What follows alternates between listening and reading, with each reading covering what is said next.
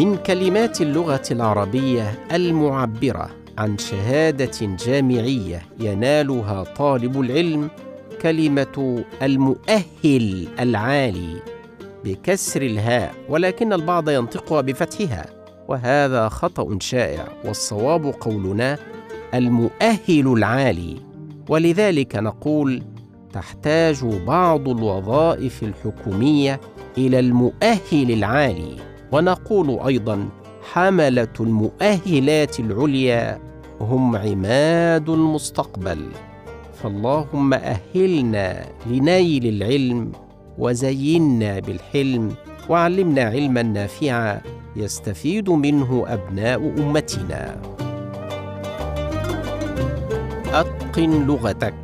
لقطات صوتية نصحح من خلالها نطق بعض الأخطاء الشائعة. نقدمها لكم من ميديا توبيا. ولكم تحياتي دكتور عبد الله الخولي.